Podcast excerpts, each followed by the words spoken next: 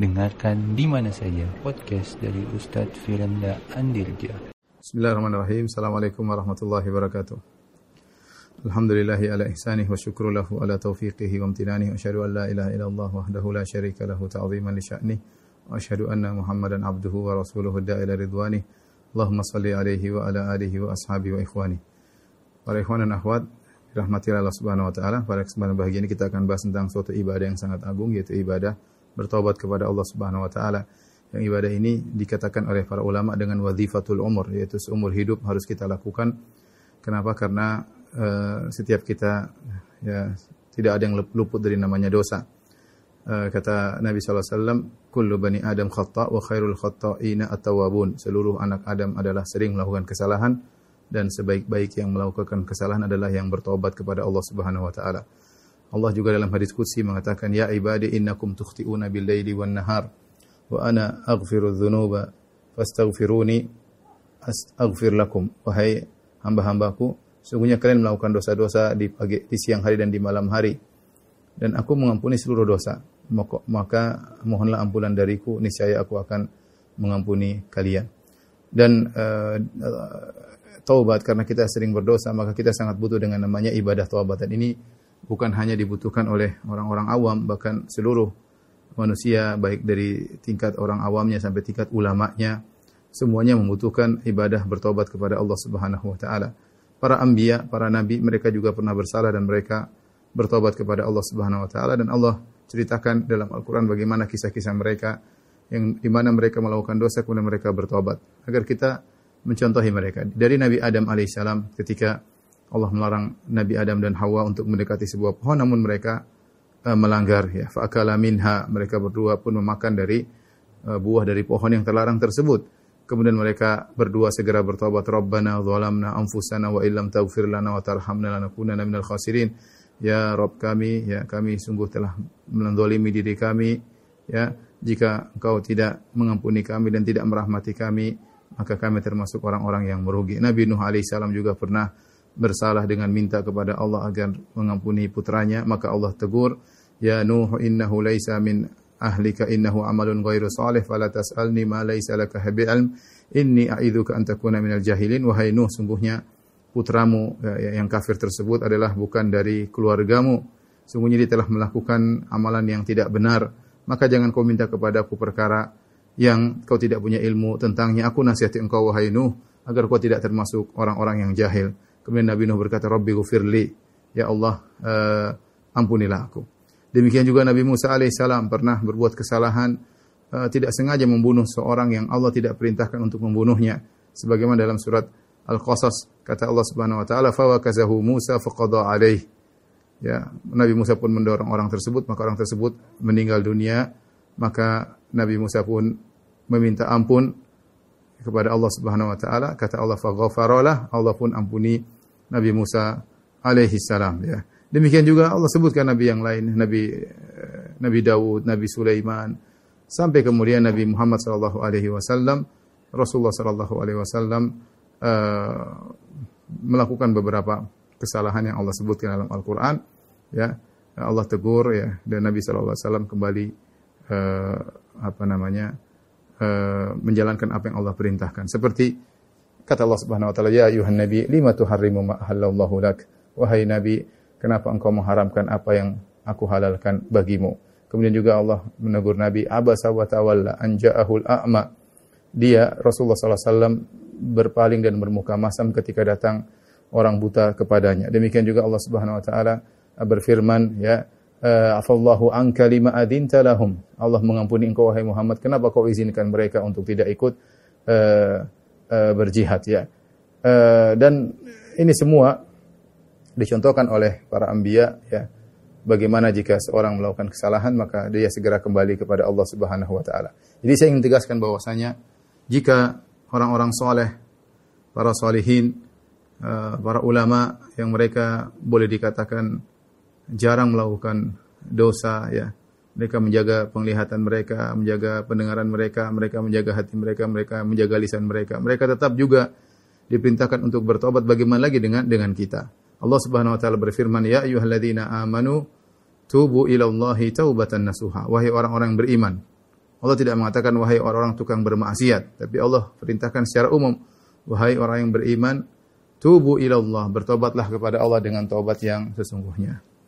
Jadi inilah uh, ibadah yang agung, ibadah taubat ya, yang uh, ibadah yang dicintai oleh Allah Subhanahu wa taala. Makanya Allah mengatakan innallaha yuhibbut tawwabin wa yuhibbul mutatahhirin. Sungguhnya Allah mencintai orang-orang yang suka bertobat. Semakin seorang suka bertobat, uh, maka semakin dicintai oleh Allah Subhanahu wa taala. Semakin sering dia bertobat, semakin dicintai oleh Allah Subhanahu wa taala. Semakin dia sering beristighfar, semakin dicintai oleh Allah Subhanahu wa taala. Oleh karenanya Nabi SAW berkata, Tuba liman wajada fi sahifati istighfaran kathira. Sungguh beruntung orang yang mendapati hari kiamat kelak dalam catatan amalnya banyak istighfar. Kenapa Allah mencintai orang uh, seperti ini. Allah memuji dalam Al-Quran At-Taibun Al-Abidun, orang-orang yang senantiasa bertobat. Allah memuji mereka. Basyiril mu'minin bila kabar gembira kepada orang-orang yang uh, yang beriman. Di antara ciri-ciri mereka adalah suka bertobat. Oleh karenanya malaikat mendoakan orang-orang yang bertobat. Ya. Uh, apa namanya kata Allah Subhanahu wa taala alladzina yahmiluna arsya wa man hawlahu yusabbihuna bihamdi rabbihim wa yu'minuna bihi wa yastaghfiruna lilladzina amanu ربنا وسعت كل شيء رحمة وعلما فاغفر للذين تابوا واتبعوا سبيلك وقهم عذاب الجحيم ربنا وادخلهم جنات عدن التي وعدتهم ومن صلح من آبائهم وأزواجهم وذريتهم إنك أنت العزيز الحكيم kata Allah dan para malaikat yang mengangkat arsy Allah Subhanahu wa taala dan para malaikat yang ada di sekitar arsy Allah Subhanahu wa taala. Mereka uh, bertasbih kepada Allah dan mereka beriman kepada Allah dan mereka berdoa, ya Allah ampunilah orang-orang yang beriman Rabbana ghfir uh, alladzina tabu dan ampunilah orang-orang yang bertobat. Ampunilah orang-orang yang bertobat dan mengikuti jalanmu. Ya, ya Rabb kami masukkanlah mereka orang yang bertobat tersebut ke dalam surgamu dan juga masukkan keluarga mereka, orang tua mereka, istri mereka, anak-anak mereka ke dalam uh, surgamu dan jagalah mereka, jauhkanlah mereka dari uh, neraka jahanam. Ini menunjukkan agungnya orang yang tobat karena didoakan oleh para malaikat ya. Oleh karenanya Nabi SAW dalam sehari ber, bertobat dan beristighfar seratus kali ya. Kata Nabi SAW, Ayuhan nas tubu ila Allah wastaghfiru wastaghfiru uh, wastaghfiru lah ya. Fa inni atubu ila Allah wastaghfiru lahu fil yaum mi'at marrah. Wahai manusia sekalian, bertobatlah kepada Allah dan istighfarlah kepada Allah. Sungguhnya aku dalam sehari beristighfar dan bertobat seratus seratus kali. Ini uh, sekedar cuplikan kecil dari dalil-dalil yang menunjukkan bahwasanya uh, taubat adalah kegiatan kita harian. Kegiatan kita uh, harian karena kita tidak luput dari namanya dosa, tidak luput dari namanya dosa dan semakin orang banyak bertobat, semakin dicintai oleh Allah Subhanahu wa taala. Saya katakan tadi kalau ternyata para anbiya, para orang-orang soleh mereka bertobat kepada Allah, bagaimana lagi dengan uh, kita yang bergelimang dengan dosa. Tapi tolong perhatikan, kita akan jelas tentang eh, hukum-hukum uh, yang berkaitan dengan taubat.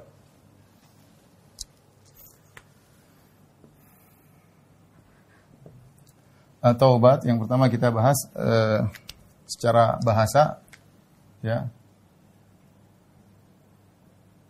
Uh, taubat, ya. Diambil dari taba. Taba artinya roja'a yaitu kembali. Roja'a ya. Taubat artinya kembali kepada Allah. Secara bahasa kembali kepada kepada Allah. Itu setelah seorang melakukan dosa terjauhkan dari Allah Subhanahu wa taala kemudian dia balik pulang kepada Allah mengetuk pintu uh, apa namanya pintu taubat kepada Allah lantas Allah pun menerima uh, taubatnya ya Uh, dalam uh, di kita ada dua istilah, ada istilah uh, taubat dan istighfar. Taubat dan al-istighfar. Ya. Ini dua hal yang uh, sama tapi ada bedanya, ada ada mirip tapi ada bedanya ya. Allah Subhanahu wa taala berfirman dalam Al-Qur'an, "Wastaghfiru rabbakum tsumma tubu ilaih." Kata Allah Subhanahu wa taala, "Wastaghfiru rabbakum thumma tubu ilaih. Artinya istighfarlah istighfarlah lalu bertobatlah. Lalu ber, bertobatlah. Perhatikan di sini ketika Allah mengatakan istighfar lalu bertobat menunjukkan ini menunjukkan taubat tingkatannya lebih tinggi dari istighfar ya. Taubat lebih tinggi daripada istighfar. Lebih tinggi dari istighfar. Ya, lebih tinggi daripada istighfar. Istighfar kalau taubat tadi artinya adalah kembali ya. Artinya kembali. Kalau istighfar artinya artinya memohon ampunan. Ya. Mohon ampunan kepada Allah.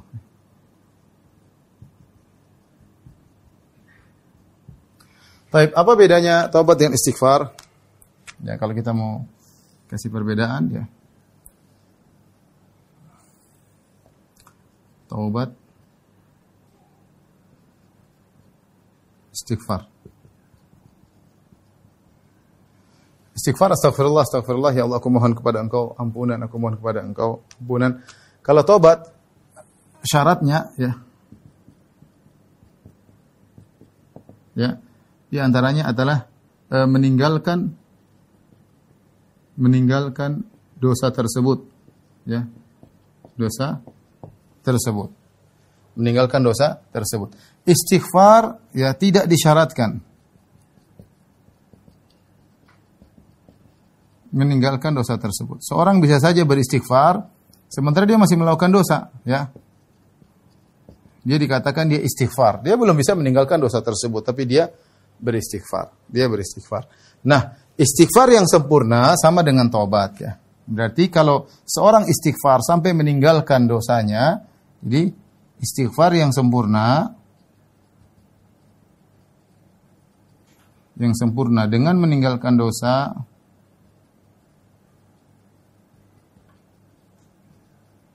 Ini sama dengan taubat. Ya. Makanya dalam ayat Allah mengatakan, "Astaghfiru rabbakum tsumma tubu ilaih." Istighfarlah lalu bertobatlah. Artinya seorang kalau bisa istighfar dengan benar sampai dia meninggalkan dosanya ya, maka dia sampai pada derajat taubat. Contoh seorang uh, melakukan perbuatan dosa, dia dia istighfar astagfirullah, tapi dia belum bisa meninggalkan. Ketika dia belum bisa meninggalkan, berarti dia belum sampai pada derajat taubat. Tapi kalau dia sudah meninggalkan, maka itu uh, sampai pada derajat uh, derajat taubatnya. Ini uh, yang pertama secara bahasa uh, taubat. Kemudian yang uh, kedua uh, syarat taubat.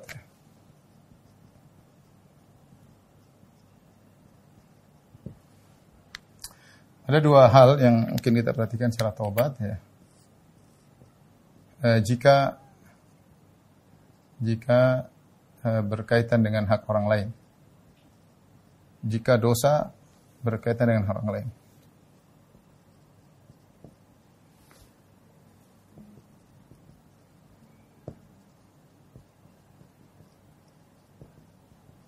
Jika tidak berkaitan, jika dosa tidak berkaitan dengan hak orang lain,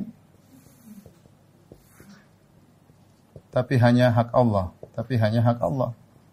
Seperti apa? Seperti uh, bermaksiat, melihat yang tidak benar, meninggalkan sholat, meninggalkan puasa. Ya ini namanya dosa-dosa tidak bayar zakat. Ini semua dosa-dosa yang tidak berkaitan hak orang lain, tapi berkaitan hak Allah. Berkaitan orang lain seperti gibahin orang, mendolimi orang, uh, mengambil hak orang. Intinya mendolimi orang lain.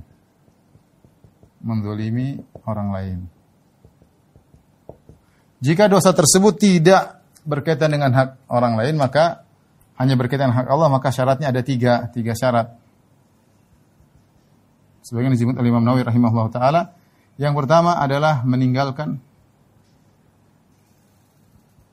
dosa tersebut. Kemudian eh, yang kedua adalah eh, menyesali. Kemudian yang ketiga bertekad untuk tidak mengulangi.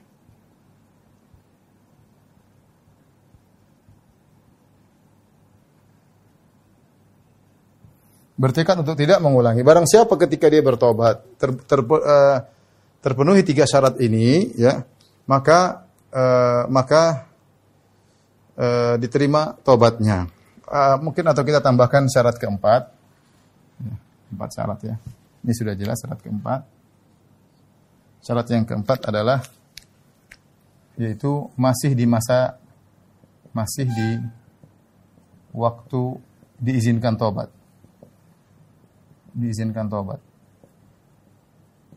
Apa waktu diizinkan tobat? Ada dua. Ya, selama matahari belum terbit belum terbit dari barat.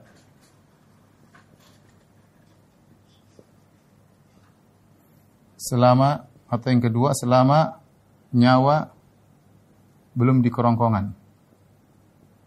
Di kerongkongan.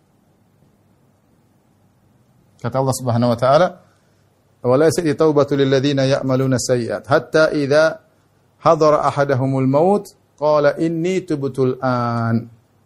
Kata Allah, tidaklah bukanlah taubat itu kepada orang-orang yang uh, melakukan dosa-dosa hatta idza hadara ahadahumul maut tatkala tiba-tiba datang kematian di hadapan matanya yaitu sakaratul maut yang sudah di kerongkongan qala ini tubutul an aku bertobat sekarang tidak diterima. Kenapa? Karena tobatnya sudah di luar waktu.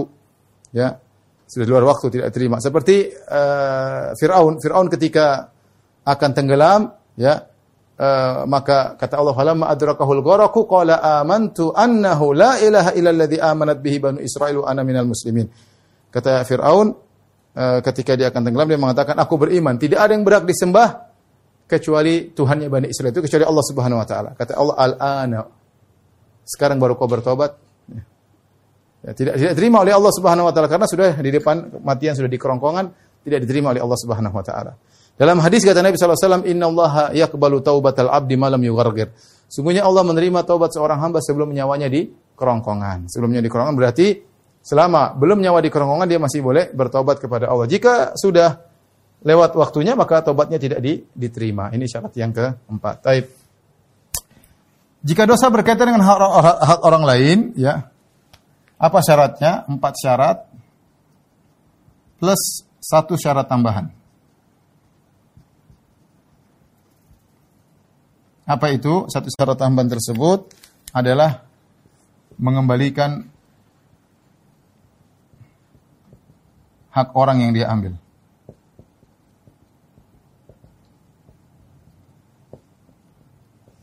Kalau dia mengambil harta orang lain harus dia kembalikan, ya. Kalau dia menjatuhkan harga diri orang ini harus perbaiki, minta dimaafkan. Kata Nabi sallallahu alaihi wasallam, "Man kanat lahu madlamatun li akhihi min ardin aw shay'in falyatahallalhu minhu al-yawm qabla an la yakuna dinar wala dirham." Ya. In kana lahu amalun salih ukhidha minhu biqadri madlamatihi. Kata Nabi sallallahu alaihi wasallam, barang siapa yang berbuat dolim kepada saudaranya, hendaknya dia minta dihalalkan sekarang sebelum datang hari kiamat tidak bermanfaat dinar dan dirham.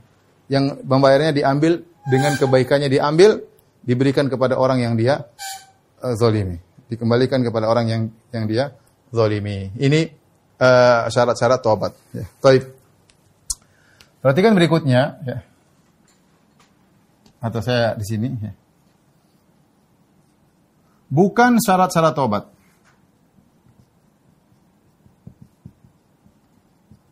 Bukan syarat tobat.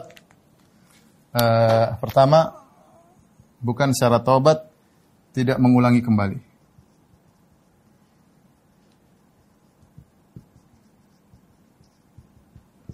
Tidak mengulangi kembali. Ini bukan syarat tobat. Kalau seorang sudah bertobat dan dia sudah bertekad, dia sudah dia uh, meninggalkan dosa tersebut, dia menyesal, sudah bertekad tidak mengulangi. Ternyata suatu hari dia mengulangi lagi, maka dia perlu bertobat kembali. Tetapi bukan berarti tobat sebelumnya tidak diterima. Ya, yang yang yang dilarang adalah kalau dia bertobat sementara dia masih melakukan, nah, itu tobatnya tidak terima ya. Ya. Kata Allah wala yus wala yusirru ala uh, apa namanya wa hum ya'lamun ya. Wala yusirruna ala ma fa'alu wa hum ya'lamun. Mereka tidak terus melakukan apa yang mereka kerjakan. Tidak israr dalam bermaksiat. Ya. Tidak israr dalam uh, bermaksiat. Tapi kalau dia meninggalkan dosa tersebut, menyesal, bertekad tidak kembali, kemudian uh, suatu saat dia kembali lagi, maka dia tinggal bertobat untuk dosa berikutnya. Dosa yang lalu sudah diampuni oleh Allah Subhanahu wa taala. Jadi bukan merupakan syarat tobat, tidak mengulangi kembali. Ini bukan syarat tobat. Karena setan kadang-kadang datang mengatakan, "Kamu ngapain bertobat nanti ulang lagi." Sudah bertobat saja. Yang penting ketika kita bertobat kita berhenti. Jangan dengarkan setan. Allah Maha Pengampun. Bertobat saja. Kemudian uh, bukan syarat tobat harus meninggalkan uh, seluruh uh, dosa-dosa. Bukan syarat tobat.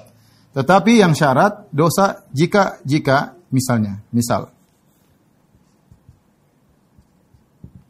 jika uh, seseorang melakukan dosa-dosa berikut.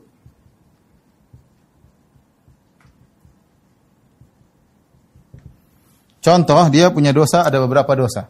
Misalnya dia, uh, dia riba misalnya. Kemudian dia juga durhaka kepada orang tua. Kemudian ternyata dia juga berzina misalnya. Uh, berzina. Kemudian misalnya dia ternyata gibah misalnya. Baik, dia melakukan empat macam dosa. Satu, dua, tiga, empat. Jika dia bertobat dari berzina, jika bertobat dari berzina,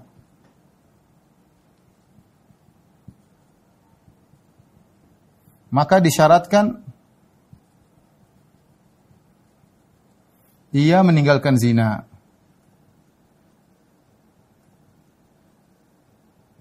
Disyaratkan ia meninggalkan disyaratkan ia meninggalkan uh, zina. Ya. Tapi tidak disyaratkan meninggalkan dosa-dosa yang lain.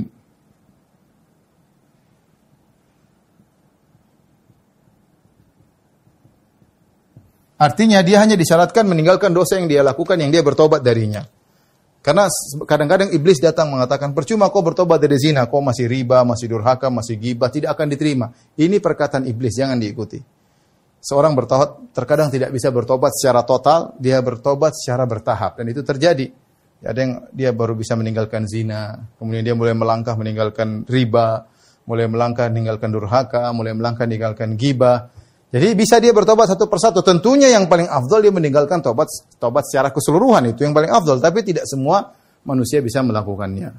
Oleh karenanya bukan syarat tobat uh, harus meninggalkan seluruh dosa, tapi disyaratkan dosa yang dia lakukan yang ingin bertobat darinya itu yang harus dia uh, meninggalkannya ketika dia bertobat kepada Allah Subhanahu wa taala.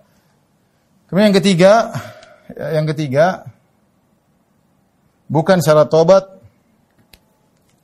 uh, sholat tobat.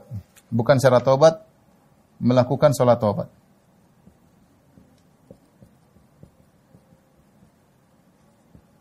Kenapa? Karena melakukan sholat tobat ini hukumnya sunnah, tidak wajib. Ya, Hukumnya sunnah, tidak wajib. Artinya kalau seorang bertobat tanpa melakukan sholat sunnah, boleh, tidak jadi masalah.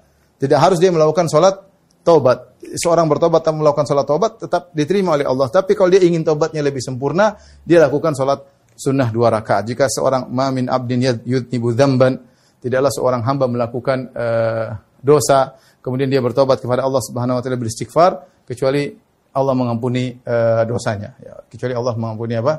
Uh, dosanya. Baik.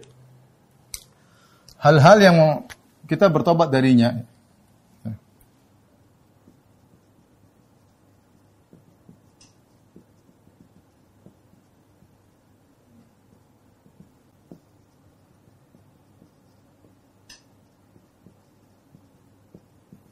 Uh, saya ingin mengajak uh, kita semua agar ingin mengetahui apa sih dosa-dosa yang kita lakukan sehingga kita harus sering bertobat setiap hari, membasahi lisan kita dengan banyak istighfar, Uh, di antaranya ya uh, karena apa? maksiat yang kita lakukan.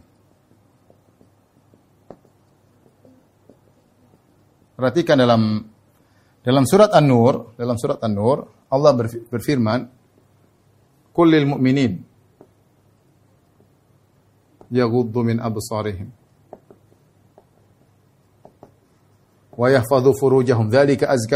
Khabirum bima yasnaun. Wa qul lil mu'minati yaghdudna min absarihinna. Wa yahfazna furujahunna. Wa la yubdina zinatahunna illa ma dhahara minha. Wal yadribna bi khumurihinna ala juyubihinna. Wala yubdina ya illa uh, ma, apa zinatahunna illa li buulatihinna dan seterusnya kata Allah Subhanahu wa taala katakanlah kepada orang beriman untuk menundukkan sebagian pandangan mereka. Ini Allah berbicara tentang menundukkan pandangan. Hendaknya menundukkan pandangan. Kemudian Allah mengatakan demikian juga perempuan, hendaknya mereka menundukkan pandangan dan jangan menampakkan perhiasan mereka ya kecuali yang yang biasa nampak di luar dan jangan menampakkan perhiasan mereka kecuali kepada suami mereka uh, mertua mereka dan seterusnya di akhir ayat kata Allah Subhanahu wa taala di akhir ayat di akhir ayat wa tubu ila jami'an. Ayyuhal mu'minun. La'allakum tuflihun. Kata Allah di akhir ayat, bertobatlah kalian kepada Allah seluruhnya, wahai orang beriman, semoga kalian beruntung. Di sini kata Syekh Utsaimin rahimahullahu taala, Allah memerintahkan untuk bertobat.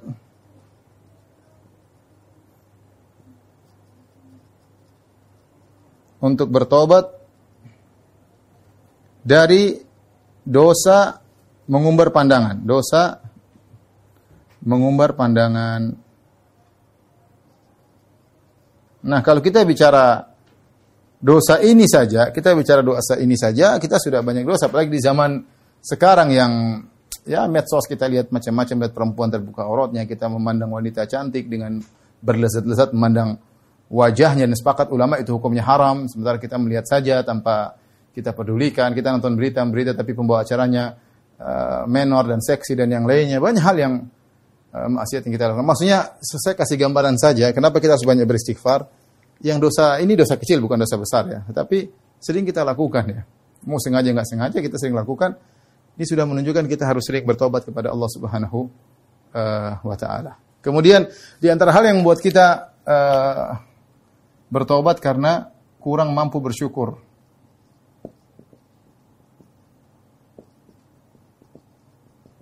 Padahal kata Allah Subhanahu wa taala, "Tsumma latus'alunna yauma idzin hanin naim." Sungguh kalian akan benar-benar ditanya ya. Kalian akan ditanya atas kalian akan diminta pertanggungjawaban akan ditanya tentang nikmat nikmat-nikmat yang kalian rasakan. Karenanya kita doa di antaranya doa keluar toilet, doa keluar WC atau toilet apa? Uh, gufranaka. Gufranaka. Ya, artinya ampunanmu ya Allah, ampunilah aku. Ampunilah aku. Uh, para ulama mengatakan, kenapa uh, kita ketika keluar dari toilet gufranaka ya Allah ampunilah aku? Di antaranya karena kita tidak mampu mensyukuri nikmat, terlalu banyak nikmat. Di antara nikmat adalah kita bisa buang hajat itu nikmat. Kalau tidak, kotoran tersebut tertahan dalam perut kita menimbulkan penyakit yang luar biasa. Ya. Dengan bisa buang hajat itulah nikmat, maka kita keluar kita bilang gufrona kayak Allah betapa sulit aku bisa mensyukuri seluruh nikmat-nikmat. Dan banyak sekali kenikmatan yang tidak kita uh, syukuri dengan dengan baik. Dan kita beristighfar kepada Allah dari hal tersebut. Kemudian di antaranya juga uh, karena kurang beribadah dengan baik.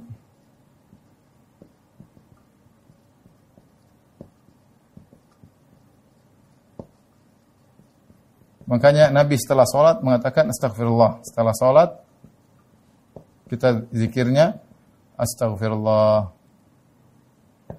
Astagfirullah tiga kali. Ya. ya. Kenapa? Karena kita tidak bisa sholat sebagaimana yang seharusnya dengan khusyuk yang diharapkan oleh Allah Subhanahu wa taala. Kebanyakan kita ketika sholat pikiran ke mana-mana maka kita istighfar. Dari sini kita tahu bahwasanya banyak hal yang harus kita uh, bertobat uh, darinya ya uh, sehingga kita senantiasa membaca lisan kita dengan astagfirullah astagfirullah dan kalau kita melakukan dosa segera bertobat kepada Allah Subhanahu wa taala sebelum uh, maut menjemput kita. Tapi uh, kita akan akhiri pengajian kita tentang beberapa per perkara yang penting berkaitan dengan taubat. Uh,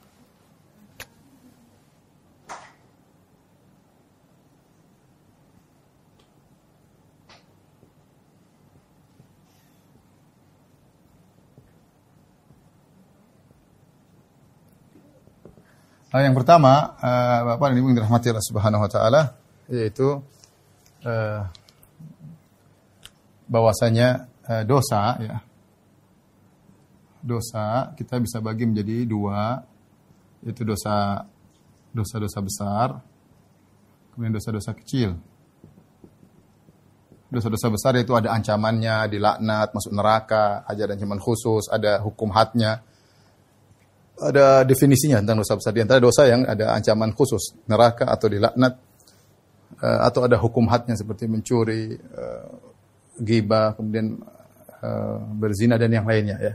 Dosa-dosa kecil yang selain daripada itu. Dosa-dosa besar dikumpulkan oleh uh, Imam Madhabi sekitar 70. Ini sekitar 70. Uh, sekitar 70. 70 dosa besar. Nah, kalau dosa-dosa kecil, kalau dosa-dosa kecil, uh, cara menghapus dosa-dosa kecil,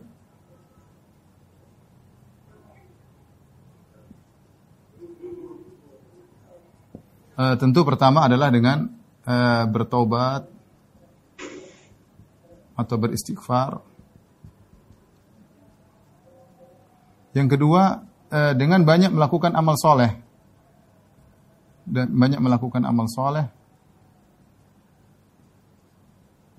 amal soleh meski tidak bertobat meski tidak bertobat bisa diampuni oleh Allah Subhanahu wa taala meski tidak bertobat ya.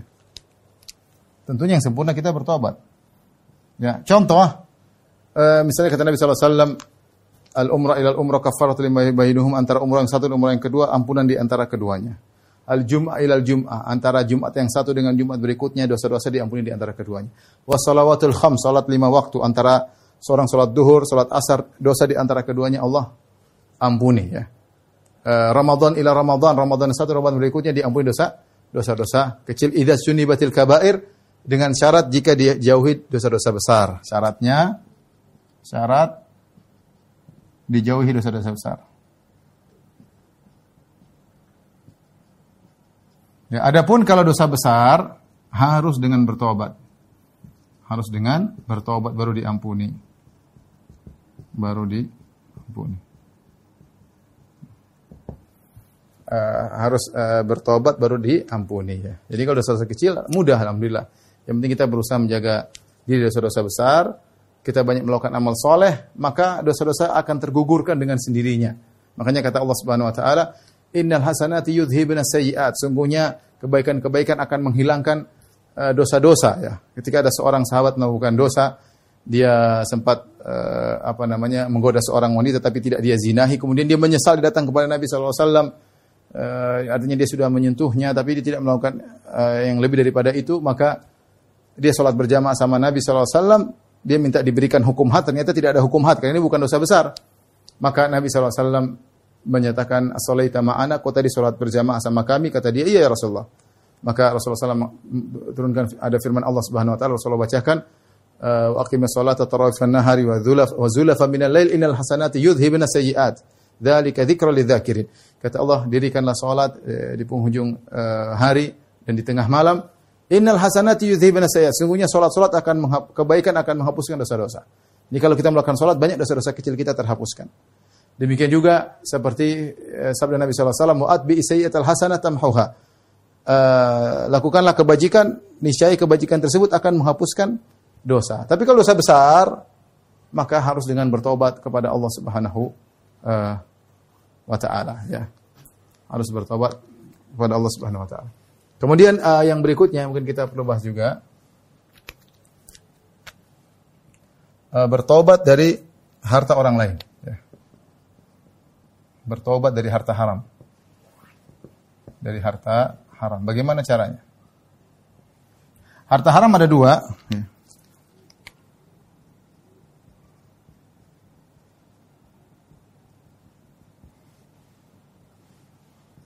Yang pertama harta yang diperoleh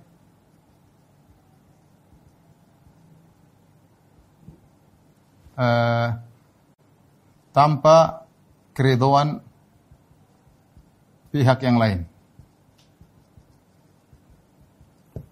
Uh, yang kedua, uh, harta yang diperoleh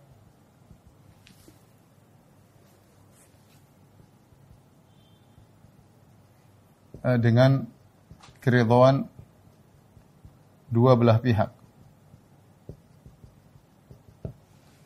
Uh, contoh harta yang diperoleh dengan keridhaan dua belah pihak, keridhaan dua belah pihak. Contohnya apa? Contohnya banyak ya. Contoh misalnya harta uh, hasil judi. Hasil judi. Ya, judi sama-sama sama-sama ridho main judi. Kemudian contohnya uh, misalnya uh, harta hasil zina. Kemudian contohnya misalnya hasil uh, main musik, nyanyi atau ny ya, main musik ya. Ini juga yang yang beli tiket, yang beli lagu semua ridho ya. Kemudian uh, harta misalnya harta kenapa main uh, main musik. Misalnya harta uh, harta hasil jual khamar jual khamar kemudian hasil jual uh, uh, apa narkoba ya. Tapi ini semua harta haram. Ini semua harta haram tetapi diambil dengan keridhaan dari pihak satunya. Ya, kalau seorang sudah bertobat kepada Allah Subhanahu wa taala, bagaimana hasilnya? Jika seorang sudah bertobat, jika sudah bertobat, ya, uh, jika sudah uh, uh, bertobat, ya, maka uh, maka uh, harta ini ya, bisa diinfakkan ya kalau dia mau ya. Atau dia ya manfaatkan.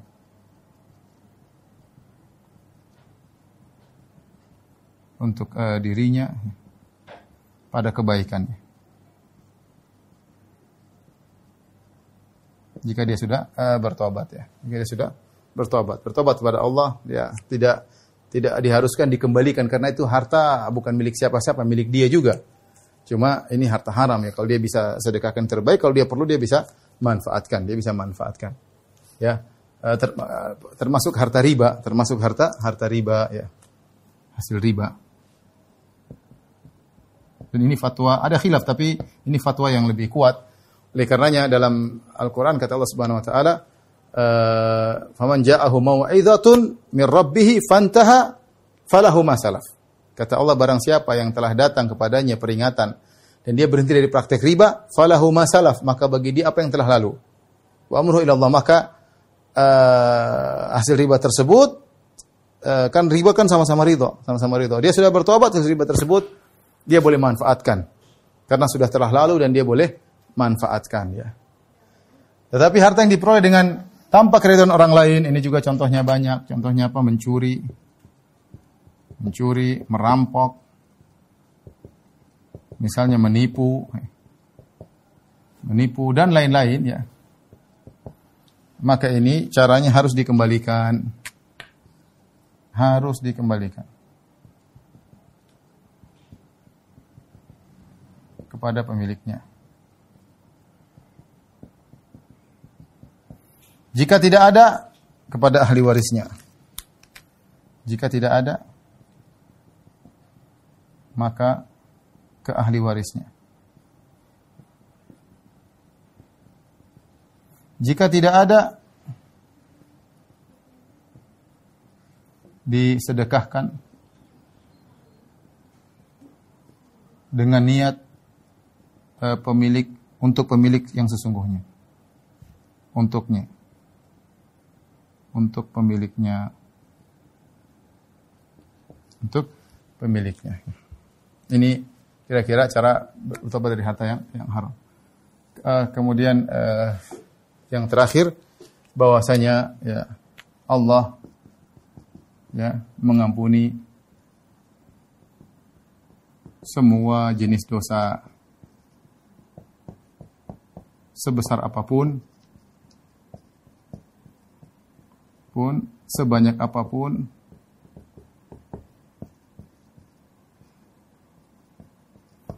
uh, semodel apa pun ya bervariasi ya semuanya Allah Maha Pengampun.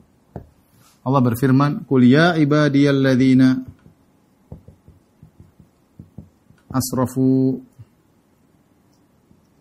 ala anfusihim. La taqnatu min rahmatillah. Inna Allah yaghfiru dhunuba jami'an.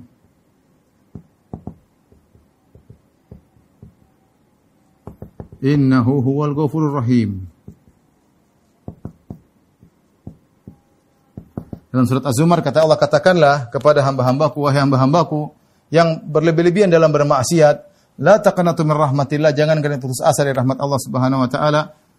Inna Allah yaghfiru dzunuba jami'an. Allah mengampuni seluruh dosa. Innahu huwal ghafurur rahim. Sungguhnya Allah Maha Pengampun lagi Maha Penyayang. Oleh karenanya Allah contohkan dalam Al-Qur'an banyak orang-orang yang melakukan dosa sangat besar tapi Allah ampuni. Contohnya para penyihir Firaun yang mereka mungkin puluhan tahun melakukan kesyirikan, cari nafkah dengan melakukan sihir, tetapi mereka bertobat di penghujung hayat mereka, maka tobat mereka diterima oleh Allah Subhanahu wa taala. Padahal mereka hanya beriman tidak sampai satu siang. Mereka beriman di siang hari, kemudian dibunuh oleh Firaun, kemudian mereka masuk uh, neraka. Jadi uh, ibadah uh, dosa sebesar apa pun Allah Allah uh, terima. Ya, contohnya lagi seperti Rasulullah sebut tentang pembunuh 100 nyawa. Ada seorang sudah membunuh 99 nyawa, kemudian ingin bertobat, dia tanya sama seseorang, apakah saya sudah bunuh 99 nyawa, saya masih bisa bertobat? Kata orang tersebut, enggak, enggak bisa. Akhirnya dia bunuh orang tersebut. Dia genap bunuh 100 orang. Akhirnya datang ketemu sama orang alim, dia tanya, saya sudah bunuh 100 orang, saya masih bertobat. Kata orang alim tersebut, masih bisa. Dengan syarat kau tinggalkan kampungmu ya dulu, menujulah kepada kampung orang-orang beriman dan beribadahlah kepada Allah bersama mereka. Akhirnya di tengah jalan dia meninggal, belum sempat melakukan kebaikan apa pun, tapi dia sudah bertobat.